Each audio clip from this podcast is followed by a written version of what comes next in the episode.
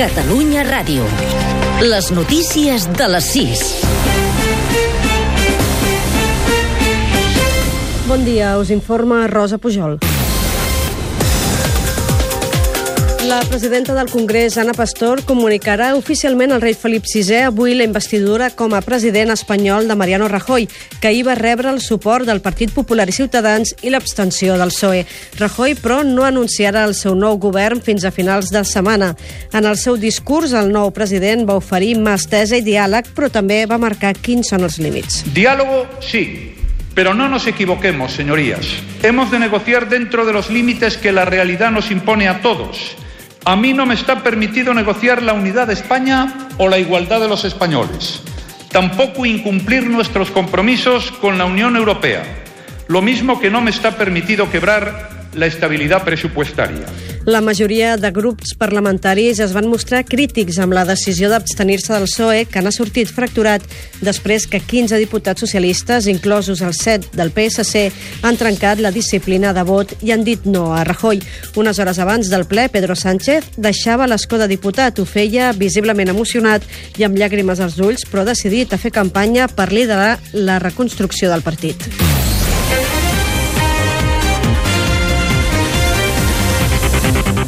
Més notícies en format breu. El rellotge s'ha endarrerit una hora aquesta matinada i a les 3 han tornat a ser les dues.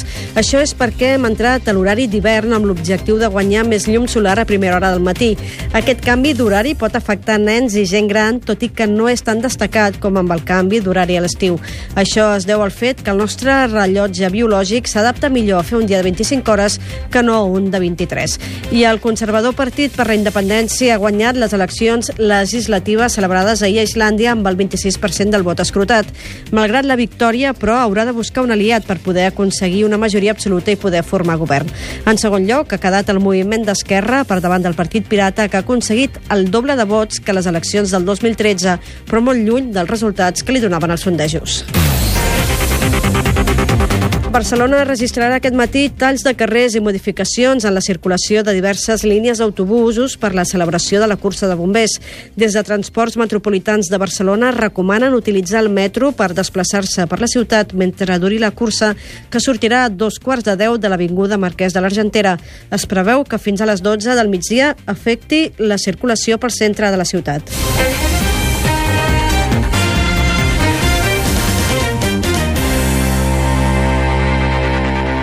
La pel·lícula Enemies Anteriors eh, del francès Salim Azazi ha guanyat la Venus de Badalona al Festival de Curs Filmets.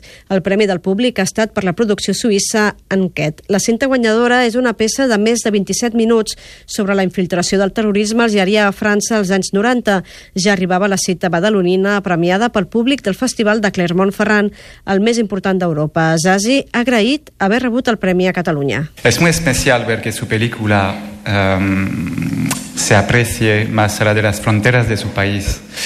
Y además, el tema de mi película es la identidad eh, y la convivencia de identidades um, dentro de nosotros. Uh, y este sentimiento es muy bien conocido en, en Cataluña.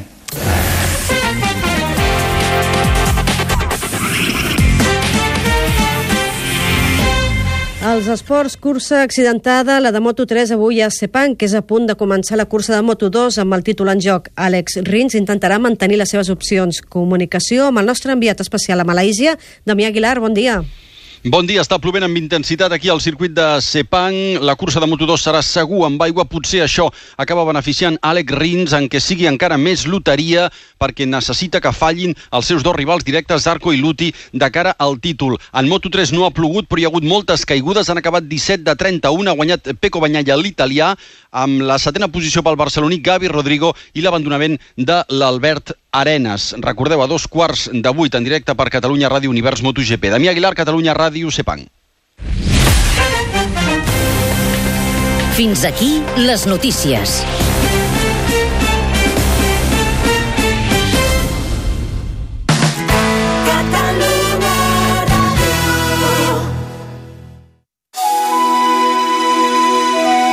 Paraules de vida. Un espai obert per parlar de l'actualitat a l'Església.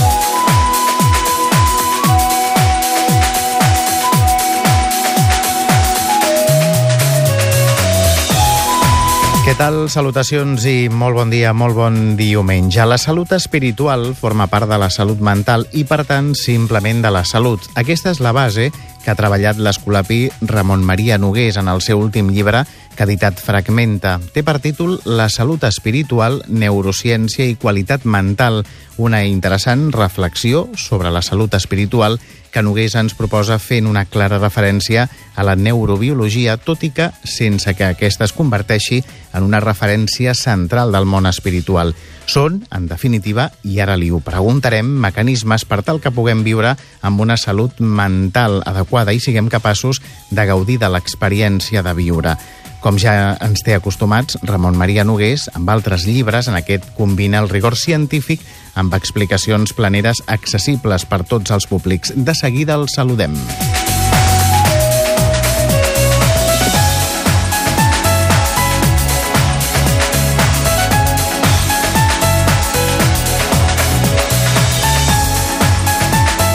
Com sempre, a la recta final del Paraules arribarà un nou comentari de l'actualitat de Francesc Romeu. Comencem.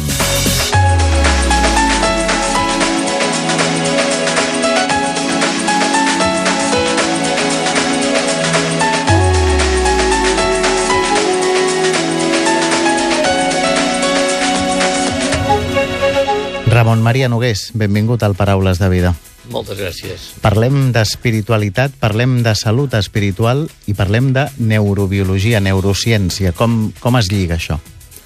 A veure, es lliga en la mesura en què les neurociències actualment, eh, que estan eh, en un moment brillant, diguem, de, la, de les seves investigacions, estan com tenyint tota la, totes les realitats personals i socials eh, amb les seves aportacions, que no és que siguin definitives, més aviat són discretes de moment, però eh, sí que es comença a parlar doncs, de neuropolítica, neuroeconomia, neuroètica, neuroestètica i naturalment també tocava el moment de, de parlar de neuroespiritualitat, és a dir, d'aquelles dades que obtenim en l'estudi del cervell que es poden referenciar a la, al que en diem l'experiència espiritual de les persones i dels pobles. I per explicar-ho d'una manera senzilla, perquè els oients ens entenguin, com es fa aquesta connexió a grans trets? Suposo que deu ser una cosa complicada, però com seria? Bé, no, la, la connexió és eh, que aquelles, aquells aspectes de l'experiència espiritual, per exemple, els continguts mentals, eh, més aviat ideològics, els aspectes imaginatius, els aspectes emocionals, etc. Aquests aspectes que es donen en l'espiritualitat, com es donen en qualsevol altra experiència mental, eh, tractar de veure quina connexió tenen amb fenòmens neurològics que nosaltres coneguem. Per exemple, en quines parts del cervell reaccionen d'una manera més visible o més notable a propòsit de cada una d'aquestes dimensions. Aleshores, aquest treball d'intentar la correspondència entre l'experiència espiritual en el seu aspecte psicològic i mental amb els aspectes cerebrals, això és el que tracta de fer l'estudi de l'espiritualitat fet des de la neurociència. I quan parlem de salut en general, com dèiem a la portada, com ho planteja també vostè, és dir, tenir una bona salut representa tenir una bona salut espiritual també i una bona salut mental. Tot va entrellaçat. Sí, clar, perquè la salut, eh, el concepte actual de salut no és estar lliure de malalties, sinó tenir una, eh, un benestar integral. Aleshores, en el benestar integral hi intervenen molts, molts aspectes, naturalment els aspectes corporals, però també els aspectes mentals. De fet, l'espiritualitat actual, eh, pràcticament tot el món, però a casa nostra d'una manera específica, està recuperant fins i tot aspectes més corporals que s'havien abandonat una mica, per dir-ho així. En aquest moment els manllevem més aviat a les espiritualitats orientals, però tot plegat vol dir que quan parlem de salut, eh, en realitat ens referim a tot allò que eh, afecta el benestar de la vida i per tant són tots els aspectes del viure, tant els aspectes socials com els biològics, els neurològics, etc. Quins serien aquests aspectes corporals que potser hem deixat eh, de banda? Sí, per exemple, avui que s'ha posat molt d'actualitat les tècniques de meditació, que, que en les tradicions espirituals sempre hi han estat, però bé, avui eh, es, es precisen molt a través del mindfulness, que són tècniques de meditació importades de, d'Orient en aquest moment i precisades d'aquesta manera, doncs aquestes tècniques de meditació eh, s'estudien eh, eh, en els seus aspectes mentals, evidentment, però també en aquestes connotacions corporals. Per exemple, hi ha tècniques de meditació que estan molt fixades o tenen com un aspecte de referència eh, la referència a la respiració, eh, la referència a la mateixa eh, situació cardiovascular de l'individu, a la postura, etc eh, inclús altres aspectes de la corporalitat. I tot això eh, forma part d'algunes de les dimensions en les que es treballa l'espiritualitat. I, per uh mhm. -huh. tant, és un aspecte corpori, a més dels altres. Es busquen ara altres elements per eh, estudiar i per veure com és aquesta espiritualitat interior de la gent? Sí, a veure, es busquen l'espiritualitat clàssica nostra potser ha estat molt eh, marcada per això que en diem els continguts. Eh? És a dir, idees, eh, normes, dogmes, en el sentit més clàssic de la paraula. Eh, Clar, per maneres dir, de fer molt concretes. Sí, maneres de fer molt concretes i molt explícites. Aleshores, en l'actualitat s'estan reeditant més les qüestions relatives, per exemple, al silenci. Tècniques d'interiorització que permetin buidar eh, el món mental, perquè això també forma part d'una certa ascètica espiritual, no? El, el dominar l'atenció, la concentració, la divagació, la imaginació, eh, totes aquestes coses. I això, en aquest moment, està bastant treballat, potser més que abans, eh, per totes aquestes preocupacions metodològiques de l'espiritualitat més moderna, diguem. Uh -huh. Abans parlàvem d'aquest rigor científic que té també el llibre, no? I a la vegada explicat d'una manera planera, per tal de que tots ho puguem entendre, no? Perquè potser quan parlem o quan veiem el títol Neurociència, espiritualitat, ens pot deixar una mica sí, espantats a priori. Sí, podria ser una mica massa solemne, diguéssim. doncs... Sí, a veure, Eh, no, no, és, és una cosa senzilla, en el sentit que, és clar, les arrels neurocientífiques responen a estudis molt, molt seriosos, perquè, per exemple, eh, aquest Institut Americà per l'Estudi Biocultural de la Religió cada mes ens envia bibliografia doncs, de 300 i 400 obres eh, escrits en revistes científiques de primer nivell. Però, és clar, això és l'aspecte més radical d'aquest estudi. Ara, després, això es tradueix amb eh, recomanacions molt concretes i, i molt planeres, eh, moltes d'elles a l'abast de tothom. Eh, no, no es tracta de que siguin coses que només puguin entendre i practicar persones especialment preparades, sinó que això forma part de, de tècniques que són assequibles a tothom, d'una manera molt senzilla. Per exemple, aquestes que deia, eh, de, de seure, de fer una, uns petits exercicis d'interiorització. De, de fet, en parla, al final del llibre sí, en parla, no?, de possibles sí. exercicis Sí, sí, sí. És a dir, recullo una mica pràctiques de totes les cultures, des dels epicurs de Grècia eh, fins al món del taoisme oriental, al món del budisme, evidentment, les, les tradicions cristianes de pregària, que n'hi ha de molt importants, la tradició carmelitana, la benedictina, la tradició, la tradició més moderna, ignasiana, etc. Potser, potser no són prou conegudes, no? Uh, bé, ara, el problema que tenim ara és que són més conegudes les tradicions orientals que les d'aquí. És com una corrent, no? S'ha posat sí, de moda, no? Sí, s'ha posat de moda com si Occident... Eh, no en tingués. No en tingués. I, en canvi, Occident té grans tradicions espirituals, evidentment. Per exemple, quan es parla de místics, suposem, eh, evidentment hi ha místics de gran talla en el món del zen, del zen japonès i del budisme, etc però eh, a Occident hi ha místics, des dels místics holandesos fins als místics espanyols, etc. Hi ha místics d'una categoria absolutament comparable. El que passa és que, bé, les modes culturals porten a que en aquest moment l'oriental sembli més eh, fiable o més interessant, etc. Però... I Ramon Maria, el cervell és molt complicat, no? no sé... Molt complicat, i en sabem molt poca cosa, de moment. De manera, jo sempre dic que les aportacions de la neurobiologia tant a l'espiritualitat com al món mental, etc., segueixen sent modestes. A vegades es parla, es diu, a veure, la neurologia què ens diu de l'educació? Diu molt poques coses, de moment. Eh? Eh, I en aquest sentit, en el cas de l'espiritualitat, acostuma a ser més fina la percepció que pot tenir la tradició psicològica, etc, que no pas el que pugui donar la neurologia. Ara, és veritat que la neurologia ha progressat molt i comença a haver-hi dades que són molt interessants per contraposar a les dades doncs, tradicionals que, sí, que han sigut... El que hi havia fruit- fins ara. Sí, el, el fruit de l'estudi psicològic, que ja n'hi havia molt, però en canvi aquest de la neurologia és més nou i a més té la seducció que donen avui dia, ens donen a tots les ciències positives, no? que és allò de veure-ho, per exemple, els registres, les tècniques de registre cerebral, quan es veu que en, en les, els muntatges que fa l'ordinador doncs es veuen reflexades zones del cervell que s'activen i es poden fins, representar, fins i tot representar amb colors, etc la circulació de la sang. Bé, això, és clar crida molt l'atenció i segurament aquest és un dels elements que ha facilitat l'interès per aquests temes des del punt de vista neurològic. I parla també del cervell social. Sí, No? I ho posa amb exemples, no? amb exemples pràctics de, del Sí. dia a dia, no? Sí, a veure, això ho poso precisament en relació a això últim que parlàvem, no? Avui la neurologia parla molt del cervell extens, o cervell social, eh, estudiant el condicionament del nostre cervell respecte d'aquells ambients eh, intel·lectuals o socials en els que viu.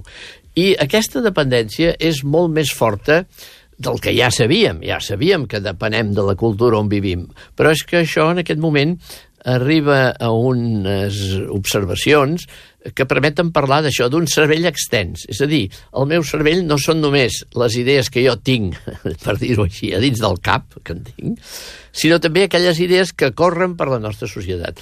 I això és molt evident en les opinions, i, i, no només en el Tot i que a vegades pugui semblar el contrari, no? de gent que pensa d'una manera i creu que no hi ha altres alternatives, portat Sí. a l'extrem, no? Sí, sí, sí, però en canvi, eh, quan, quan un estudia l'evolució de criteris, de normes, etc etc, s'adona de que persones, per exemple, d'una gran talla intel·lectual en el segle XII, van dir coses molt estranyes avui i eren persones de, de gran capacitat, però ho deien perquè en aquella època les coses anaven així. Per exemple, l'opinió sobre la dona.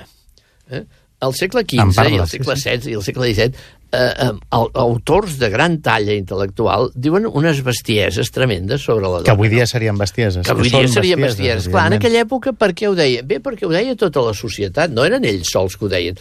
Aleshores vol dir que la dependència que tenim respecte d'allò que estem vivint és més forta del que pensem. Ens pensem que som molt originals i molt independents en el nostre pensament i ho som menys del que pensem.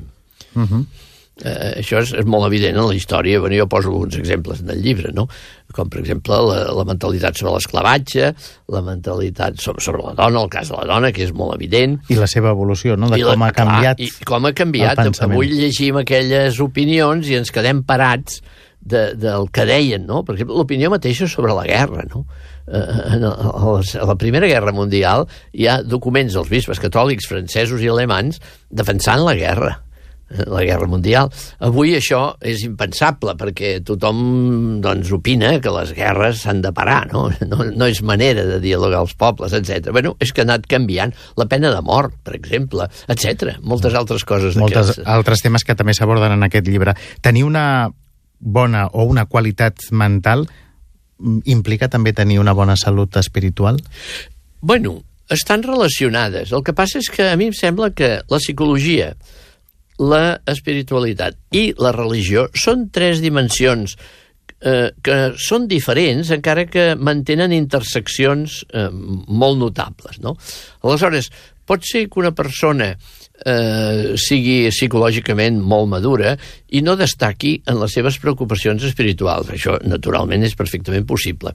Ara, és veritat que, per exemple, avui es donen eh, persones, com el comte Esponville, aquest filòsof francès, etc, que manifesta la seva distància absoluta del món religiós i, en canvi, té interessos espirituals notables i reclama que eh, en els que no són creients de cap religió, etc, se'ls hi reconegui també qualitats espirituals, la cosa que em sembla perfectament lògica.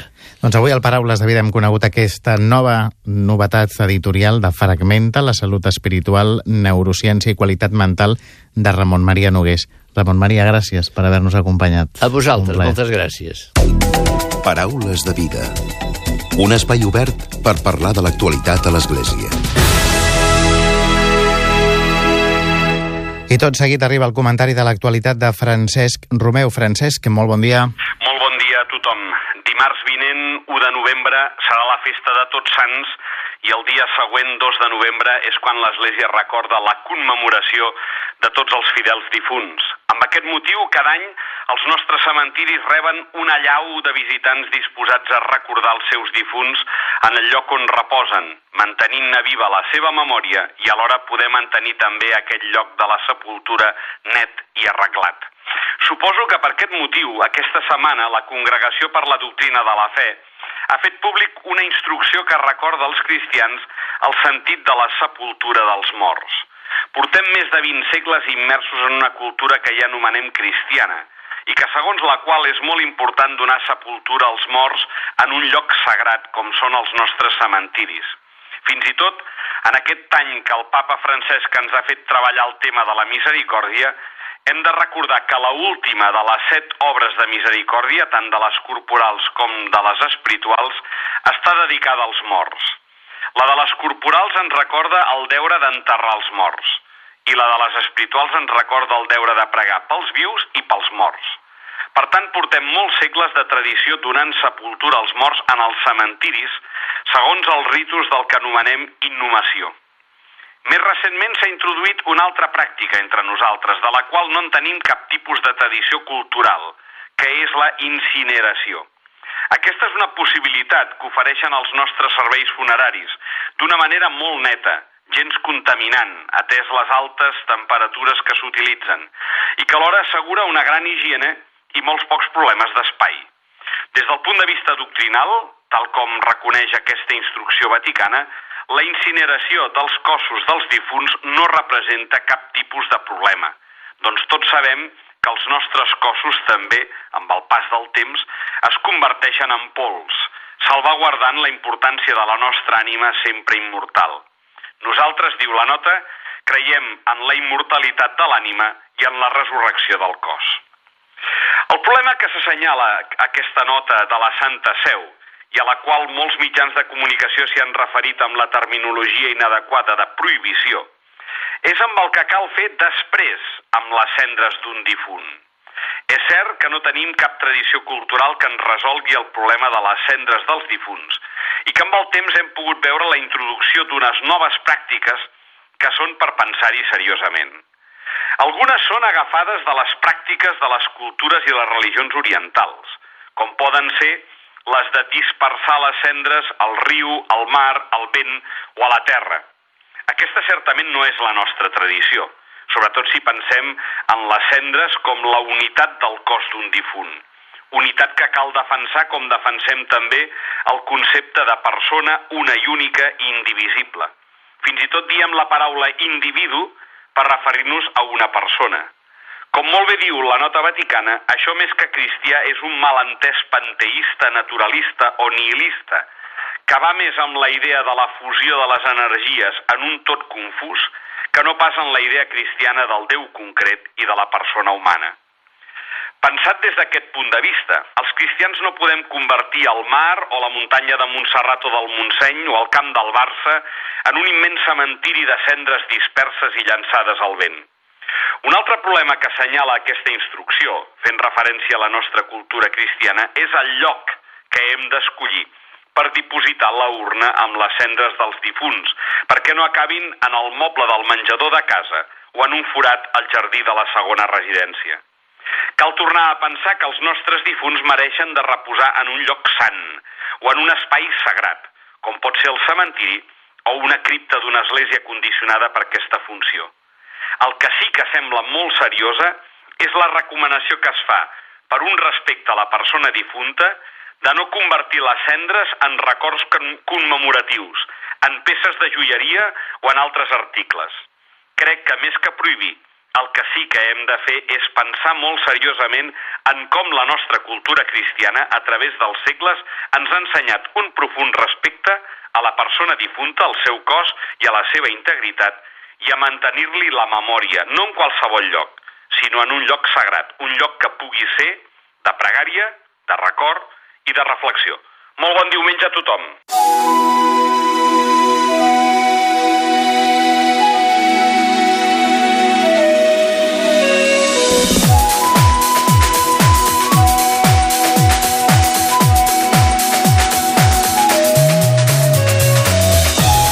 Fins aquí el Paraules de Vida d'aquest diumenge. En Josep Maria Campillo ha estat el control tècnic i qui us ha parlat l'Emili Pacheco. Que passeu bon diumenge i una molt bona setmana.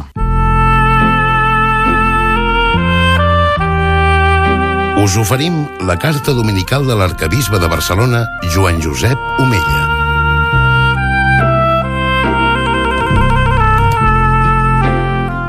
Déu vos guard. D'aquí uns dies recordarem de manera especial a tots els difunts, els nostres éssers estimats que ens han deixat i els que recordem amb dolor i també amb afecte. I en aquesta data, els difunts, qui més qui menys, es fa la pregunta de si existeix o no el cel. I acostumem a dir, ningú ha tornat i, per tant, podem estar segurs que hi ha vida després de la mort? Permeteu-me que us expliqui una petita història que va passar en una clínica. Un home molt malalt estava molt inquiet i turbat. Va agafar la mà del metge i li va dir «Tinc molta por de morir. Digui'm, doctor, què m'espera després de la mort? A què s'assembla el que hi ha a l'altre costat? No ho sé, li respon el doctor. Vostè no ho sap? Li diu el malalt. El doctor, en lloc de respondre-li, obre la porta. No s'imaginava trobar el seu gos, un magnífic pastor alemany que havia seguit a través de la ciutat, havia esquivat la vigilància del porter de la clínica i ara es trobava al passadís. Quan el gos va veure el seu amo, li va saltar a sobre i li va manifestar de mil maneres l'alegria d'haver-lo trobat. El doctor es va girar cap al malalt i li va dir «Ha observat el comportament del gos? Ell mai havia estat en aquest hospital.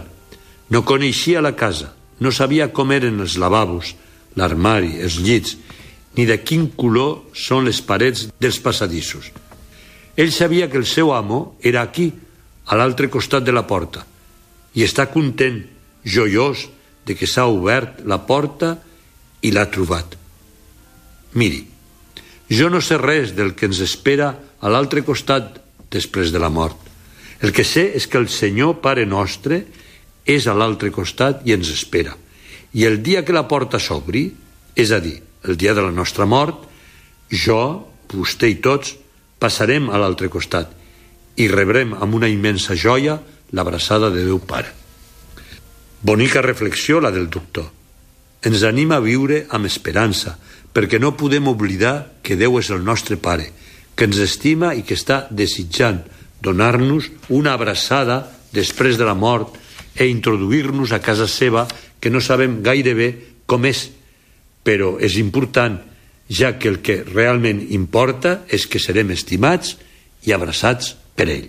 Precisament, en una de les fitxes Yucat s'hi pot llegir qui contempla a una parella que es mira tendrament, qui contempla un nadó que busca mentre mama els ulls de la mare, com si volgués emmagatzemar per sempre el seu somriure, percep una llunyada intuïció del cel. Poder mirar a Déu cara a cara és com un únic i etern moment d'amor.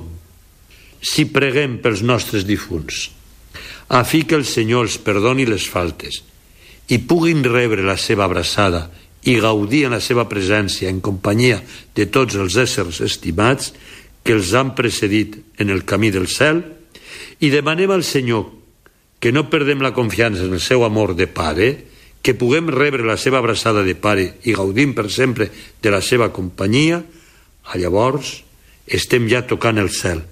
Però quan arribéssim a la presència de Déu i de la seva companyia, podrem també abraçar a tots aquells que ens han precedit en el camí de la vida.